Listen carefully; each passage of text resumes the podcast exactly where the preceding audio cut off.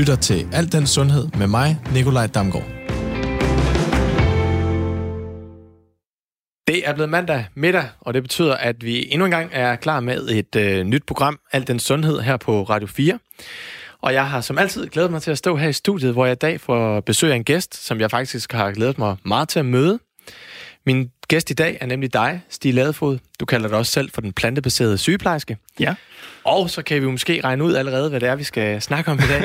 Det er selvfølgelig plantebaseret. Ja, ikke? Det er selvfølgelig den plantebaserede kost, en tendens eller bevægelse, om man vil, øh, som flere og flere har hoppet med på, og som vi på redaktionen er blevet helt enige om, at det er rigtig, rigtig svært at komme udenom. Ja, det er det. Stig, du er uddannet sygeplejerske og har været det et års tid. Yes. Men det er jo ikke det, du bruger størstedelen af din tid på. Vil du ikke lige fortælle, hvad, hvad det egentlig er, du går og laver, og hvorfor du gør det?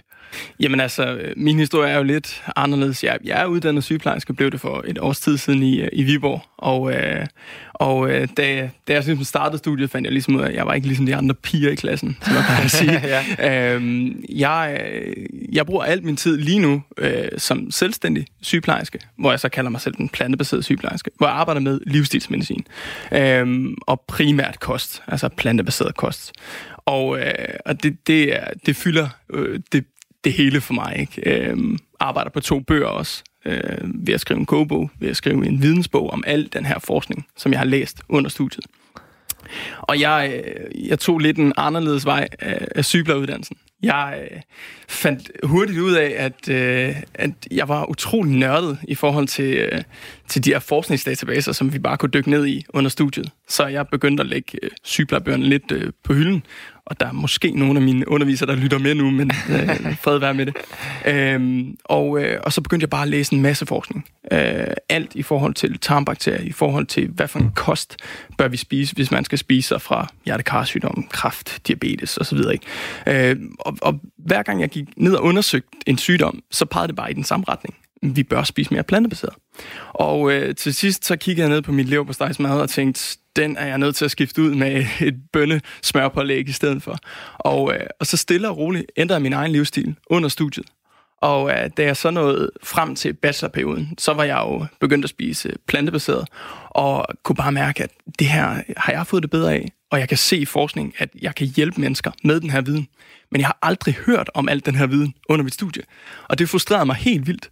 Så jeg, jeg valgte egentlig at være den første sygeplejerske, som øh, gik de, den innovative vej og, øh, og simpelthen skabe noget nyt, som måske kunne give sygeplejen øh, noget helt nyt, ikke? Øh, og simpelthen bringe alt den her forskning frem i lyset. Så i dag er jeg foredragsholder, formidler det. Øh, jeg tager folk ind, hjælper dem med at ændre deres livsstil, køre livsstilsforløb osv. med alt den her viden. Og det er fantastisk. Jeg kommer ikke til at se mig tilbage, det er helt sikkert. Ja, for jeg tænker også, at det må, altså med al den viden, du har fået, det må have været ekstremt svært for dig at være i, den, i det offentlige, med den overbevisning, du ligesom, eller viden, du ligesom har tillært dig. Ja, altså jeg, øhm, øh, det er ikke nogen hemmelighed, at jeg nogle dage kunne sidde og kværne øh, 20 forskningsstudier, øh, og bare øh, indsamle en masse, masse viden. Og, øh, og når jeg så havde de få kost øh, undervisningstimer, jeg så havde, jeg tror det er en 6-8 timer. Øh, Over hvor lang tid? Øh, tre år. Øhm, så så jeg, altså, der lærte jeg at tælle kalorier. Der lærte jeg, hvad en kulhydrat er, hvad protein er, og hvad fedt er, øhm, og hvad jeg skal give ældre, der er småt spisende. Øh, de skal selvfølgelig have en masse proteiner, en masse fløde osv., en masse kalorier. Og, øhm, og, og jeg følte ligesom, at det var meget, øhm, det var meget simplificeret forståelse af kost, og det var som om, at betød kost reelt set ikke mere end, end det. Men jeg kan jo bare se i forskningen, at men det er, at det er et helt andet billede. Så, øh, så det, det var svært for mig, og øh, blandt andet, jeg har et, et eksempel fra, øh, jeg var på karkirurgisk øh, ambulatorie under min, øh, min uddannelse, og øh, vi har forskning, der indikerer, at plantebaseret kost faktisk er den eneste kostform, der viser at kunne fjerne overforkalkning, kunne gøre blodkarne elastiske igen, i stedet for at være stive, og simpelthen øh, forbedre blodforsyningen til hjertet på under tre uger for folk med svær hjertekarsygdom, og faktisk også give den bedste beskyttelse imod blodpropper. Og den forskning kendte ingen til på de her afdelinger. Også selvom at jeg viste overlægerne den her forskning, så sagde de, ah, at det er, det, er ikke, det er ikke nok evidens. Øhm, men altså, i min optik, hvis vi har en kostform, der kan helbrede den største dræber på verdensplan, hjertekarsygdom, mm øhm, burde det så ikke være standardkosten? Mm. Ikke? Og, og stille og roligt, så kunne jeg bare mærke, jamen, måske skal jeg ikke være i det etablerede øh, sygeplejesystem, altså eller sundhedssystem. Så jeg, øh, jeg valgte simpelthen at, at bryde fri og skabe mit eget. Og, og du fortæller her indledningsvis, at øh, efter du sviftede over til en mere plantebaseret kost, så øh, havde du mærkbar effekt på, på egen krop. Hvad, hvad mærkede du? Jamen altså, øh, nu skal det siges, jeg, øh, jeg, jeg er jo forholdsvis ung, vil jeg sige. jeg er 27, er jeg ikke 27? Ja, Jeg er 27. Og lige blevet far. Øh, og lige blevet far, Ja, ja. øh, så det er en ny øh, titulering. Det er Ja. rigtig dejligt. Ja. Ja. Tak. Øhm, men, så jeg, jeg havde jo ikke nogen skavanker. Men alligevel oplevede jeg, øh, da jeg skiftede over, at lige pludselig havde jeg ikke hovedpine mere. Jeg havde hovedpine to-tre gange om ugen, og det var jo faktisk sådan, at øh, hvis ikke jeg havde panodiler med mig, så kunne jeg gå i panik. Altså, så kunne jeg nærmest få, få angst. Mm. Øhm, nu har jeg aldrig hovedpine. Og øh, altså, jeg har måske nogle gange optræk til noget, men det forsvinder igen. Så jeg har ikke de der sådan migræne-lignende øh, tilstande. Og det var primært det, jeg oplevede på, på min krop. Øh, fordøjelsen blev også bedre. Jeg tabte mig. Øh, og jeg er ikke, øh, altså, det er ikke fordi, jeg er skinny, men jeg er øh, normalvægtig. Mm. Øh, og jeg kunne ligesom se, at lige pludselig så kunne jeg ane et vaskebræt inden under, inden under øh, valbefittet. Ja, ja. Øh, så så jeg, jeg fik mere energi og så videre. Altså, alle de her ting. Men, men dem, der virkelig rykker sig, det er de mennesker, jeg hjælper øh, på daglig basis, som har en eller anden given øh, skavank eller livsstilssygdom. Og altså i den her tid, som vi er i samfundsmæssigt, der er det jo blevet enormt hipt at spise efter nogle forskellige, øh, hvad skal man sige, overbevisninger eller planer og sådan nogle ting. Så nogle gange, og det tænker jeg også, det kan få vores lytter blive et ekstremt mudret billede. Ja. Så jeg vil gerne lige have det helt på det rene. Stig, hvad er en plantebaseret kost? Ja, og det er jeg glad for, at du stiller mig et spørgsmål, fordi øh, der er også rigtig mange, der er i tvivl. Øh, ikke når de går frem i en foredrag, men måske når de kommer til dem. Øh, jamen, plantebaseret kost er en kostform, der er centreret omkring hele uforarbejdet plantefødevarer. Det vil sige, at man skal spise så mange bælfrugter, fuldkornsprodukter, grøntsager, frugter, som man overhovedet kan hver evig eneste dag, og så supplere op med nødder, frø og kerner. Og det er en plantebaseret kost. Og når jeg siger hele uforarbejdet planter, altså så, så mener jeg, at det skal være fuldkornspasta i stedet for raffineret hvid pasta. Øhm, det skal være øhm, mad lavet fra bunden af de her forskellige plantebaserede fødevarer. Og det er ikke, som vi snakkede om indledningsvis, øh, før vi gik på her, at, altså vegansk kost er ikke en plantebaseret kost. Altså en plantebaseret kost fokuserer på de her sunde sundhedsfremmende plantebaserede fødevarer, hvorimod vegansk kost, det siger mere om, hvad du udlader. Det vil sige, at du udlader animalske fødevarer, æg, kød og mejeriprodukter. Men du kan sagtens spise rigtig mange af de her erstatningsprodukter, altså rigtig mange af de her forarbejdede øh, øh, produkter, der skal minde om kød, der skal minde om ost, øh, der skal minde om æg. Ja. Og, øh, og det, det er ødelagte planter, som jeg plejer at kalde det. Fordi der har du fjernet kostviberne, du har fjernet antioxidanterne og, øh, og øh, plantestofferne, og så, som er sundhedsfremmende. Og så er du tilsat øh, salt, sukker, øh, olie, øh, en masse tilsætningsstoffer, som ikke er sundhedsfremmende. Så du fjerner den sundhedsgevinsterne øh, gevinsterne ved de her planter, og så, øh, så tilbage, der har du bare sådan et restprodukt, som Et ikke gør godt for dig. Et dødt produkt, Ja. ja. Og det, det synes jeg er meget interessant, fordi øh, du sagde det også selv, øh, inden vi gik rigtig eller i gang med optagelsen her, at rigtig mange kan have svært ved at definere den der forskel på, hvad øh, vegansk og plantebaseret er, og nogen ja. Kalder der endda også den veganske sygeplejerske. ja, ja. Øhm, og jeg synes, det er rigtig godt, at vi kommer ind på de her erstatningsprodukter, fordi det er jo nogle gange det, jeg synes, der ligesom bliver de her junkfood-veganer, ja. Altså hvor det er virkelig død, øh, død mad. Man kan sige, fra et bæredygtighedsperspektiv, og måske også etisk, Ja. øh, giver det god mening at vælge de her øh, fødevarer, men fra et sundhedsmæssigt perspektiv, der giver det ikke god mening. Og når vi så snakker de her forskellige grupper, altså enten, nu snakker vi så plantebaseret, men der er jo altid øh, do's and don'ts. Mm. Hvad er det, vi ikke skal gøre her på, på plante... Altså, hvad er reglerne for at udleve en, en 100% plantebaseret kost? Jamen altså, jeg- vil sige, øh, egentlig så vil jeg gøre det meget, meget simpelt. Øh, altså, WHO siger hvis du går ind og kigger på, hvad er det WHO anbefaler som et sundhedsfremmende kostmønster, mønster, så siger de netop, jamen altså, det er en kostform, der centrerer sig omkring de her bælfrugter, fuldkorn, grøntsager, frugt og nødder, øh, og er minimal på sukker, salt og olie. Øh, og det er jo forarbejdet fødevarer. Mm. Øhm, og øh, og det, det er the do's. Altså, du skal indlemme de her fødevarer hver evig eneste dag. Så sørg for at spise de her altså, mere end 600 gram frugt og grønt hver evig eneste dag. Når du spiser plantebaseret, så er du nødt til at spise lidt mere. Det kan måske være, det er 900 gram. Øhm, Og, øh, og så indlem fuldkornsprodukter hver dag, indlem bælfrugter, altså øh, bønner, kikærter, linser i øh, gryderetter osv. Øh, så det er meget, meget vigtigt at få de her forskellige fødevarer hver dag, og lidt nød og frø og kerner. Og hvis du gør det, hvis du sikrer dig, at du øh, indtager de her fødevarer hver dag, nu ved jeg, vores kost kan ikke være perfekt hver eneste dag, nej, nej. men hvis du i hvert fald prøver at leve efter det, jamen så vil du få en rigtig næringsrig øh, kost. Altså dit, øh, dit øh, indtag af næringsstoffer vil stige markant. Det indtag af kostfiber, som er utrolig sundhedsfremmende, vil stige markant osv. Så, så skal man selvfølgelig huske B12, Ellers så, øh, så kommer TV2 med en eller anden overskrift ja. om... Øh, og det kommer vi til at snakke om lidt, øh, det lidt gør senere. Vi. Men, ja. men, men for bare at nævne det hurtigt, B12, ja. øh, D-vitamin i vinterhalvåret, det skal ja. alle danskere. Ja. Hvis ikke man indlemmer øh, tankprodukter, så kan man godt komme til at, øh, at mangle jod. Og, øh, og det kan give en, en øget træthed, hvis ikke man, man får jod. Så derfor så plejer jeg altid at sige til folk, jamen, hvis ikke du kan lide tang, eller gider at inkorporere det i din øh, daglige kost, jamen, så bør du egentlig supplere op med et øh, kosttilskud med jod også. Og så er du egentlig primært øh, dækket ind. Og, og, og for, hvis vores lytter måske ikke lige øh, er helt med på, hvad, hvad kunne tankprodukter for eksempel være? Jamen det kunne for eksempel være altså, øh, Nori-tang øh, som, øh, som man for eksempel får, når du får sushi. Ja, så får du de her, øh, de her ruller ja. af tang. Det er nori øh, tangplader. Og, øh, og det kan man faktisk købe som sådan en tangdrys. Så personligt bruger jeg det i min, øh, min madlavning. Altså drysser de her nori-tang i øh, gryderetter. Eller... Og det kan vi bare gå ned og købe ned i Føtex for eksempel? Eller? Nej, det, øh, det kan man ikke. øh, men, øh, men man kan lynhurtigt finde det på nettet. Så hvis man øh, skriver sprinkle ja. nori, så finder du det. Okay. Øhm, og det, det er faktisk super billigt produkt. Øh, få gram af det om dagen, der vil du faktisk også kunne dække dit, uh, dit behov for jod. Ja.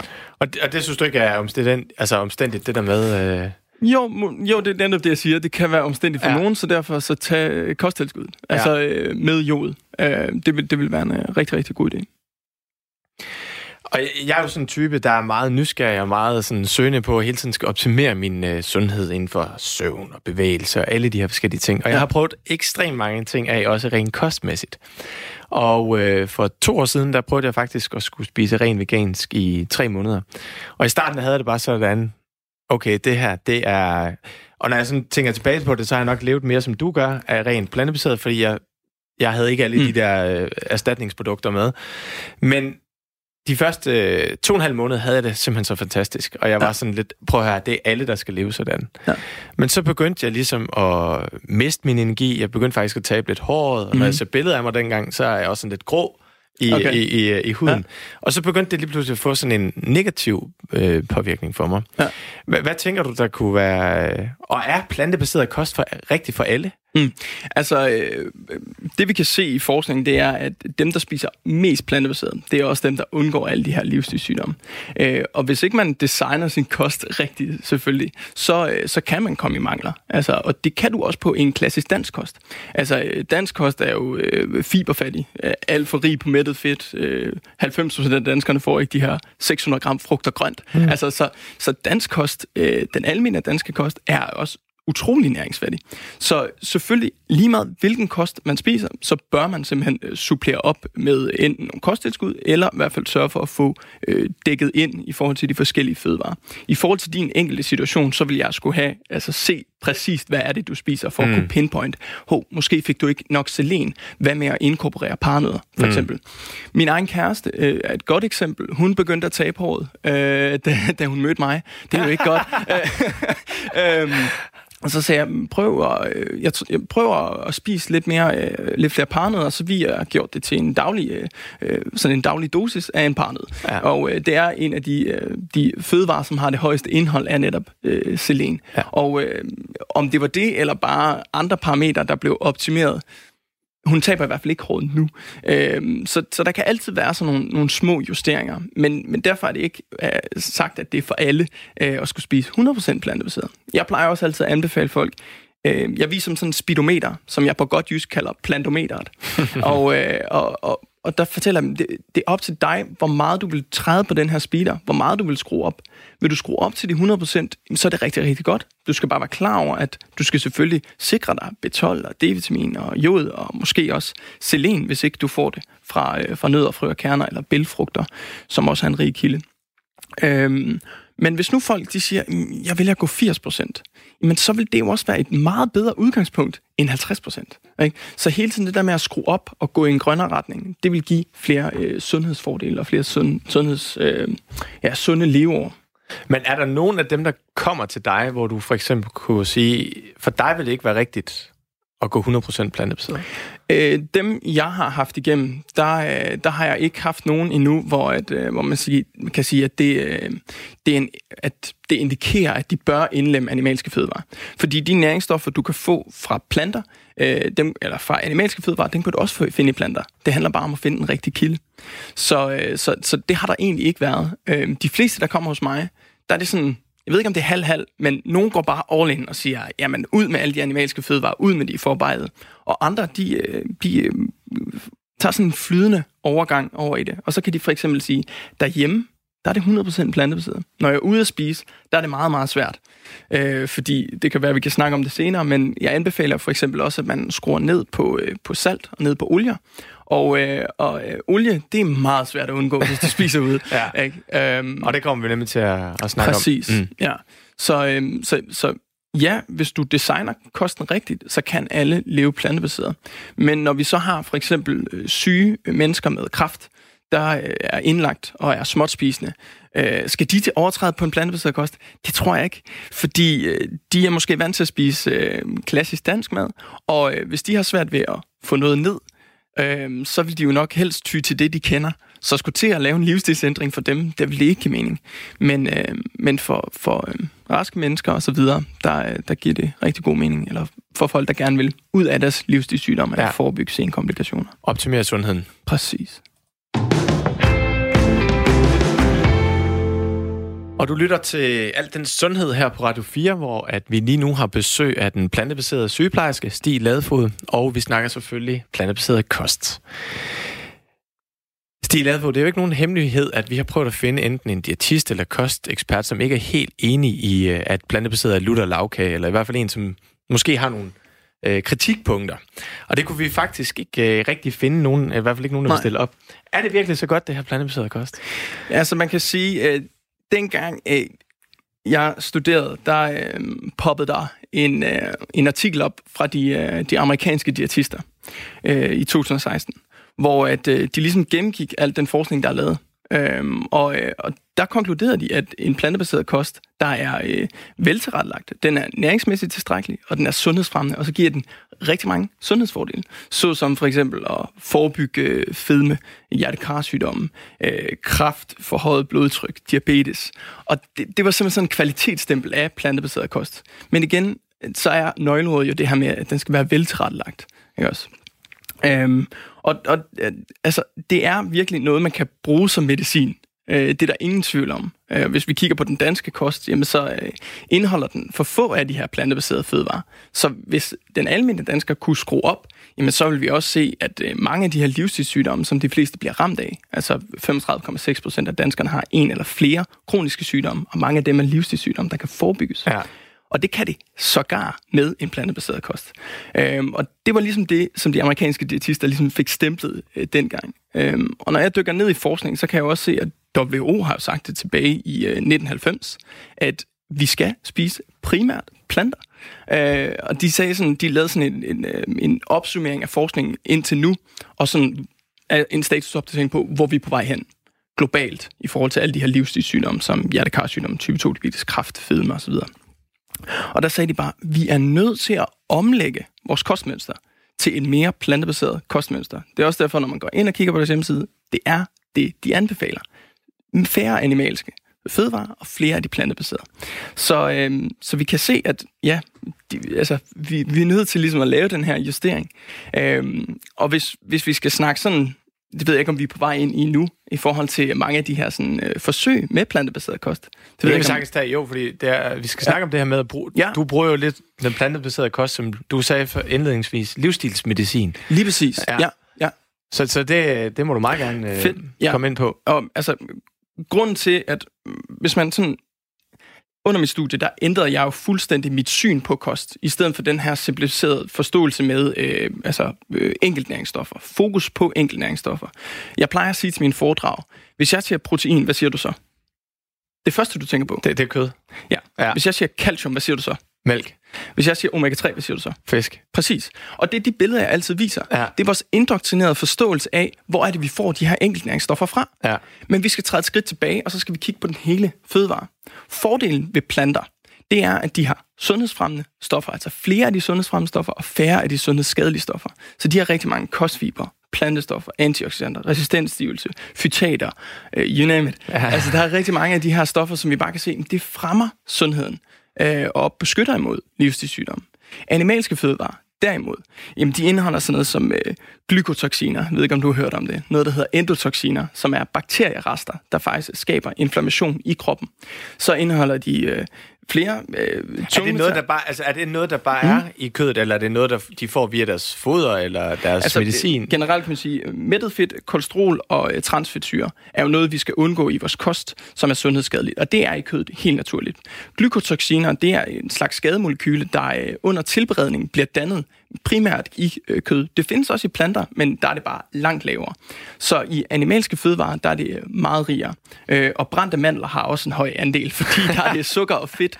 De her molekyler, når ja. de øh, reagerer med hinanden, så dannes det her skademolekyle. Og vi kan se, at det skaber øh, oxidativ stress i kroppen, øh, som er sådan en slags rustningsproces, jeg har brugt lang tid på at forstå, mm, hvad er det egentlig? Og det er en ubalance i kroppen i forhold til hvis ikke vi får nok antioxidanter, men så kan der opstå øh, oxidativ stress, sådan mm. simpelt sagt. Ja. Det vil sige, at kroppen begynder at ruste. Ja. Og øh, glykotoxiner, for eksempel, de øh, påvirker bare den her proces og inflammation, altså betændelse i kroppen.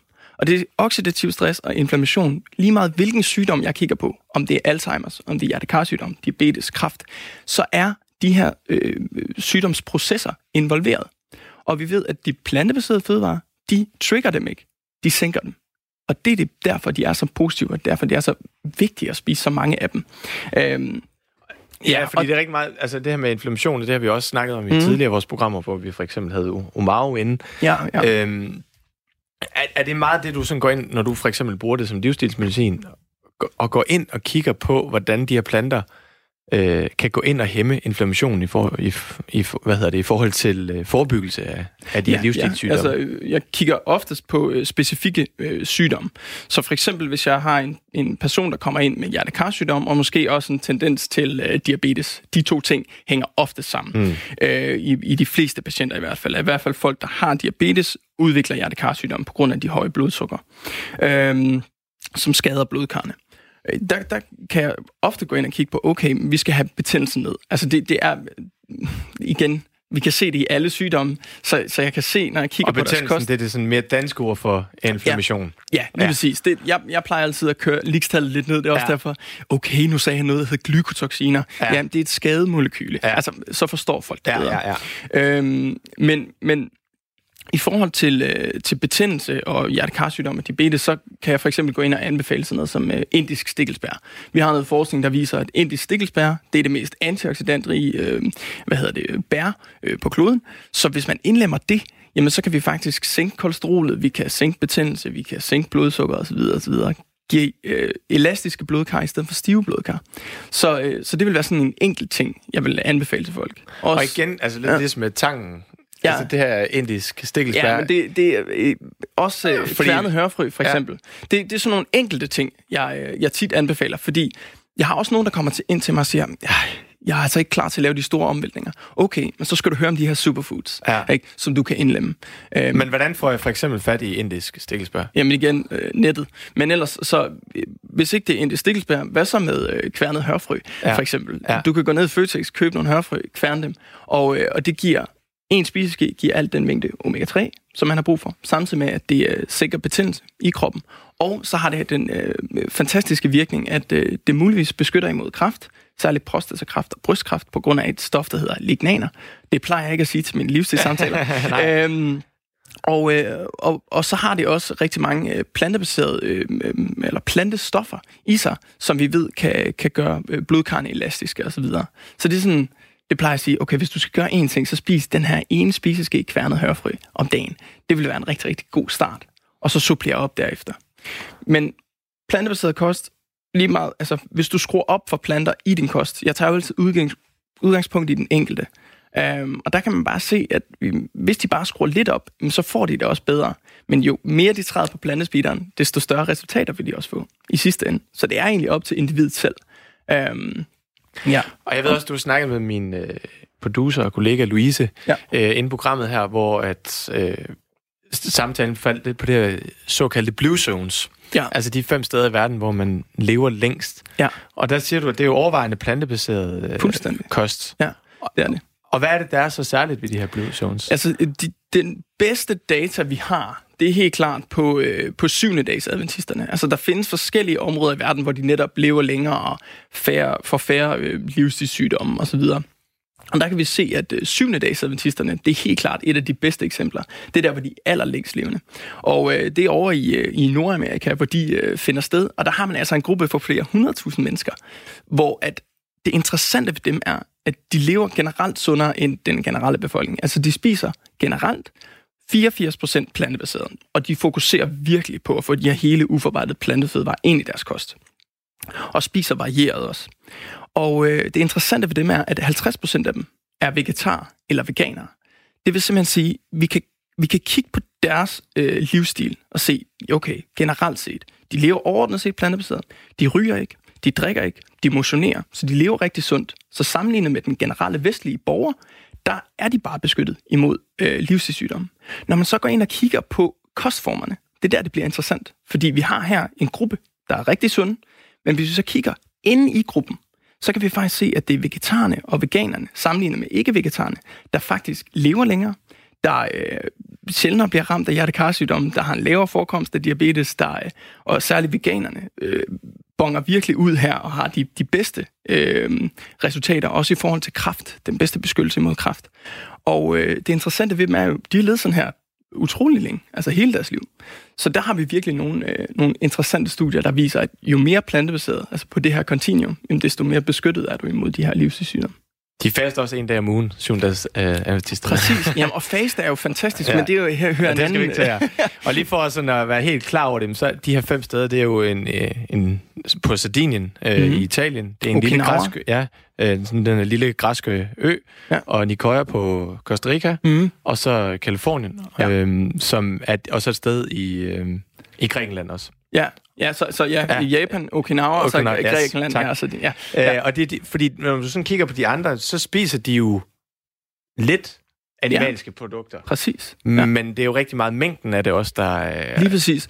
Det jeg er fascineret af ved, ved, øhm, ved netop de her blue zones, også hvis man, når man snakker middelhavskosten, som også kommer lidt ned fra, øh, fra øh, Sardinien og ja. så videre, ikke? der kan man se, at, at der har det været under 10 procent deres øh, kost har bestået af animalske fødevarer. Resten har været plantebaseret. Så det vil sige 90% plantebaseret. Det, det er en plantebaseret kost. Altså, øh, det, det kan du som en plantebaseret kost. Ja, ja, det vil jeg sige. Fordi ja. jeg har det altid sådan, at det handler om at undgå eller begrænse animalske fødevarer. Øh, og særligt de forarbejdede animalske fødevarer. Så vi snakker Frankfurter den på Aarhus Stadion. nu er vi i Aarhus, så kan ja, ja. jeg Nej, men altså, så det handler om at, at begrænse det. Øhm, og det interessante ved mange af de andre steder er jo netop, at jamen, der er kødet et krydderi. Det er det ikke i Danmark. I Danmark, der er kød, kød et centrum. Og så tænker vi ud fra det, hvordan skal vi så fylde den her tallerken op? Men de gør det jo anderledes. Altså, ja. de bruger kød som krydderi. Øhm, og særligt øh, Okinawa, de lever jo øh, 93 procent, øh, nej, det passer ikke, 96, 96 procent plantebaseret. Øhm, og de, de resterende, der er det øh, fisk øh, og, og kød, ja. øhm, som, som de, øh, de indlemmer. Men det er så lidt. Det er virkelig, altså vi snakker få, få gram om dagen. Men øh, på Okinawa, der spiser de jo 70% af deres kost. Øh, I hvert fald før, at Vesten flyttede ind. Ja. 70% af det, det var bare sødkartofler. Og selvom de spiser så simplificeret sødkartofler, så spiser de en lille smule bælfrugt og en lille smule fuldkorn, og meget, meget lidt frugt, faktisk nærmest mindre frugt, end de spiste fisk. Øh, så kan man se, at det, det er næringsrigt. Selvom de spiste, altså 70% af deres kost bare bestod af én grøntsag sødkartoflen. Ikke? Så ja, det, det, er, det er rimelig det er fascinerende. Men, men overordnet set kan vi bare se, at der er et mønster. De spiser mere plantebaseret. Ja, og så igen, jeg synes også, det er en meget vigtig pointe, det der med at få, at det også tit og ofte handler om mængden af det. Altså... Præcis. Det der med, at det, det er ikke altid 100% øh, eller ingenting. Altså, øh, du kan sagtens leve et rigtig, rigtig sundt liv, hvis du skruer op for det her. Hvis du lever 80% eller noget sted. Hmm. Ikke?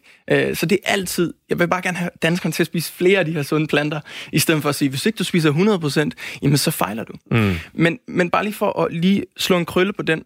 Altså, hvis man for eksempel har hjertekarsygdom, altså svær overforkalkning i hjertet, så har vi forskning, der indikerer, at går du over på en 100% plantebaseret kost, der, som er veltilrettelagt, består de hele uforarbejdede plantefødevarer med de rette tilskud, jamen så kan du faktisk bremse udvikling af din, øh, din sygdom. Øhm, og der er flere øh, livsstils pionerer, som ligesom har vist det her. Øh, det er blandt andet Corwell Esselstyn i, øh, i Amerika, og en, øh, en læge, der hedder Dean Ornish. Og de har lavet sådan øh, sideløbende deres, øh, deres egne studier. Og Esselstyn tog for eksempel 196 patienter med svær overforkalkning i hjertet, altså dem, som havde ramt bunden. De havde fået deres dødsætning. De kunne ikke komme længere med den medicinske behandling. Hvad var der så at stille op? Måske en livsstilsændring.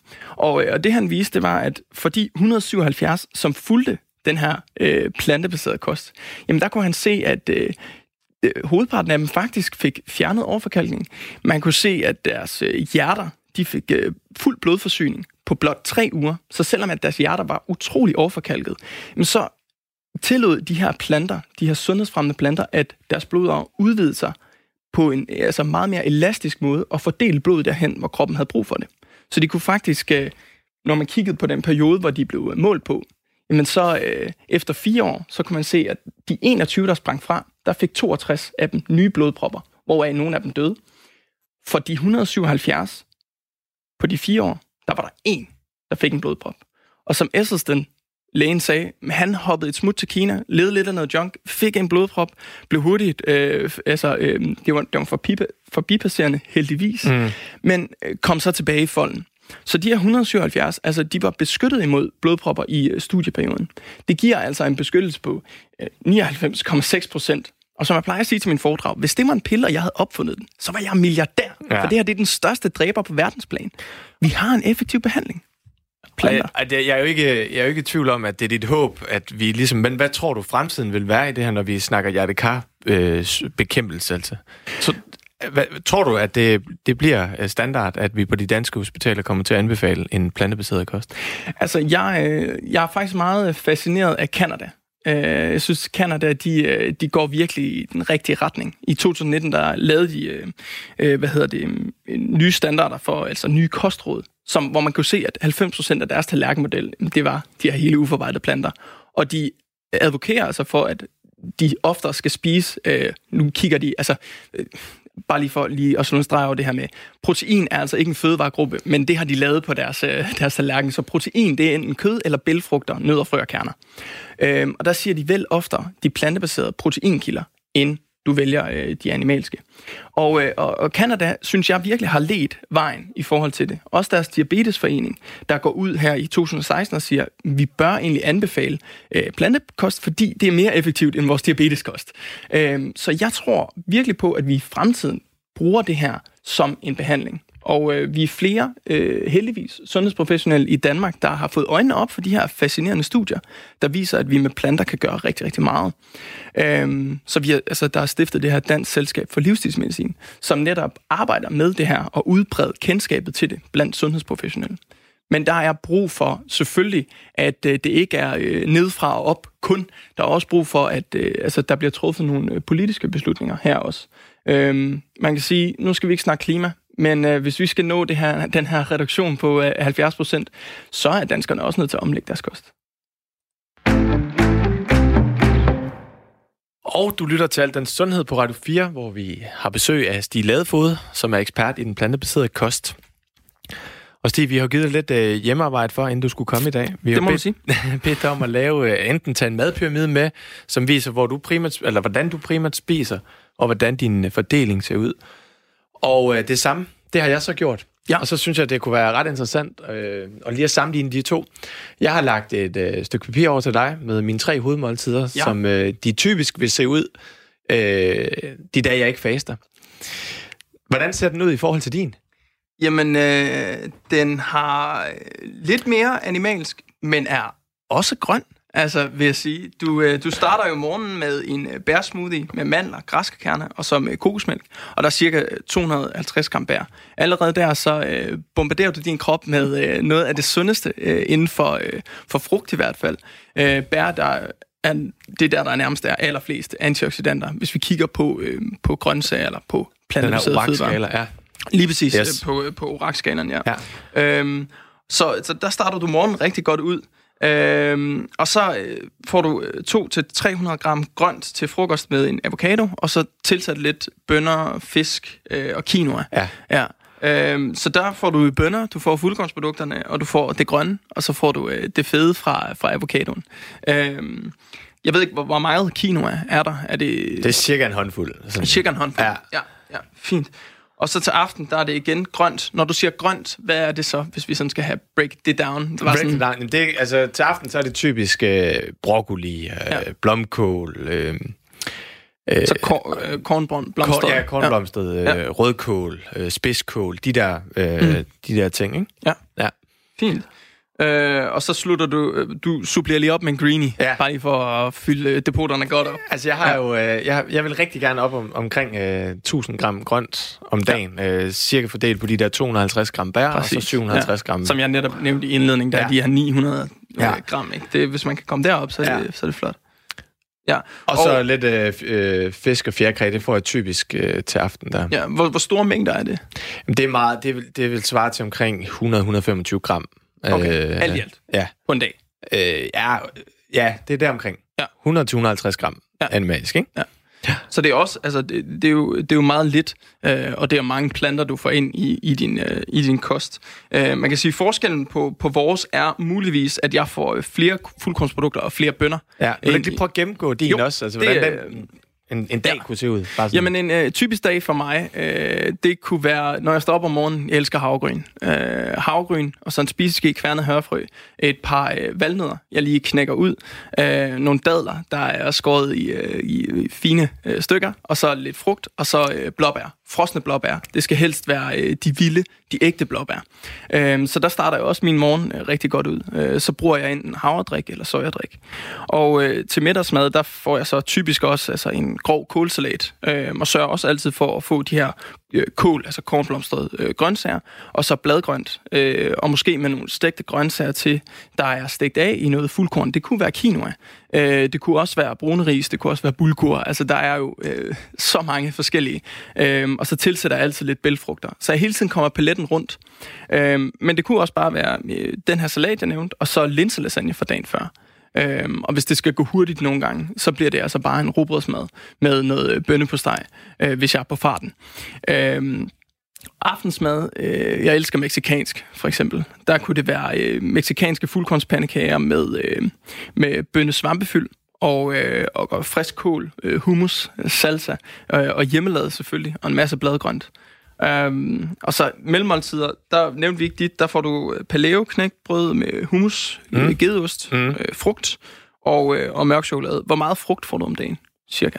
En, nu får du alt det her bær. Ja. Ikke? Så, så, så, man kan sige, at dit frugtdepot er også øh, ja, ganske fint. De dage, jeg får det, så er det et stykke, okay. cirka. Ikke? Ja. Øhm, og jeg, jeg kan godt finde på at, at spise 3, 4, 5 stykker frugt ja. i løbet af en dag. Øh, særligt nu, jeg dykker også CrossFit, så der skal også noget ind. Øhm, og, øh, og der, altså, min treat, det er tit øh, dadler øh, og, øh, og valnødder. Øh, og så frugt, altså til de her mellemmåltider. Øhm, og, og hvis jeg skal virkelig være sød ved mig selv, så bliver det romkugler lavet af sortbønner og dadler. Øhm, så altså, så, så det vil være sådan min, min dag. Øhm, og så er virkelig for at få de her forskellige øh, plantebaserede fødevarer ind. Og hvis vi sådan lige skal have det helt ned på, på gulvet, ja. øh, fordi jeg, jeg kunne godt forestille mig, at der er nogle lyttere, der sidder og tænker, ja, ja, det er fint med jer to. Ja, sundhedsnørder. sundhedsnørder, det, det der, det vil aldrig nogensinde være, være muligt for mig. Altså nu, øh, nu er du inde og nævne det her med, at de dage, det skal gå hurtigt, så er det måske bare en rugbrød med, med ja. noget nød på steg og sådan nogle ting. Ja. Er der sådan flere af de her alternativer, som vil være nemmere for den almindelige dansker. Ja, den det er generelle det, dansker. Ikke? Ja. Altså, altså, jeg, jeg plejer tit at sige til min foredrag, prøv at kigge på de favoritretter, du har i dag. Dem, du kan gå ned i supermarkedet uden en indkøbsliste og handle ind til. Prøv at tænke på dem. Hvad kunne det være? Okay, det kunne være spaghetti kødsovs, for eksempel. Prøv at forestille dig, hvordan kan du lave den plantebaseret? Og hvis ikke du selv kan forestille dig det, så gå på nettet og find ud af det.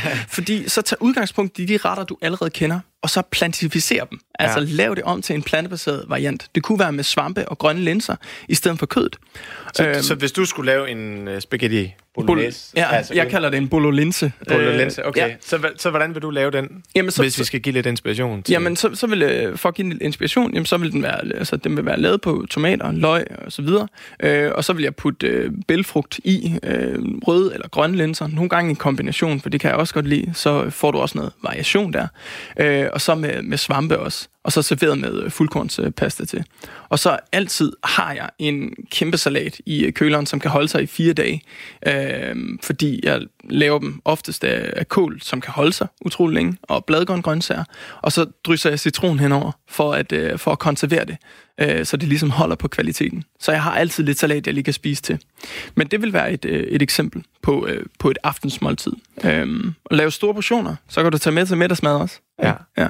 Ja, fordi det er også det, jeg tænker, altså, hvis vi sådan skal inspirere vores lytter til måske mm. at mhm. gå mere over den plantebaserede øh, vej, så er der jo noget forberedelse, og tænker ja. jeg vel også i starten. Mange, ja. altså, mange, det, det er jo helt nyt. Det er jo helt nyt. Det er ja. jo en, øh, en omvæltning. Og øh, øh, under mit studie kørte jeg et, øh, et livstidsforløb, som faktisk også var det, der satte det her i gang, hvor jeg havde 13 det var 15 borgere faktisk med hjertekarsygdom og diabetes, som skulle jeg hjælpe med at lave livstidsændring, leve plantebaseret i, i tre uger.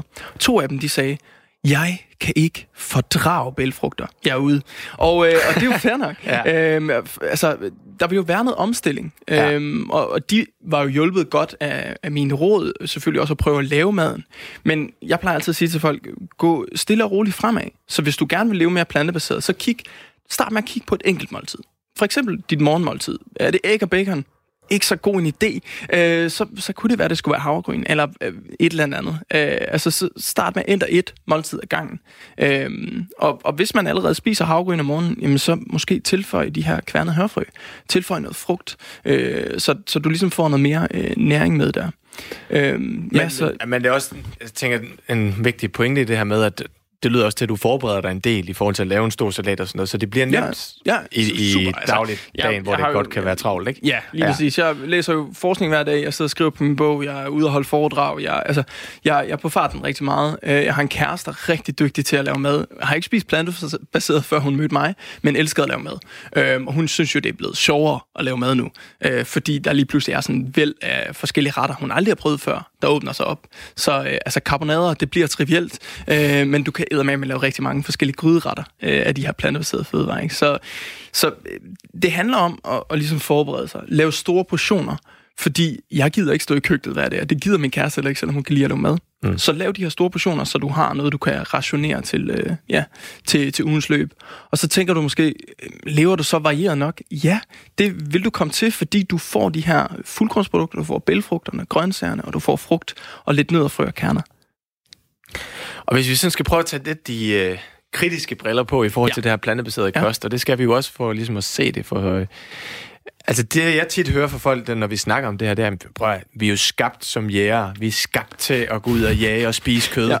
Altså, Ja, en lille anekdote til det. Øh, der er jo lavet noget forskning, der faktisk viser, at øh, når man undersøger øh, fossileret menneskebæ, altså, altså sten eller lort, så kan forskerne se, at vi har spist altså, over 150 gram fiber om dagen. Det vil sige, at vi har gået og plukket rødder op og spist en masse af de her plantebaserede fødevarer.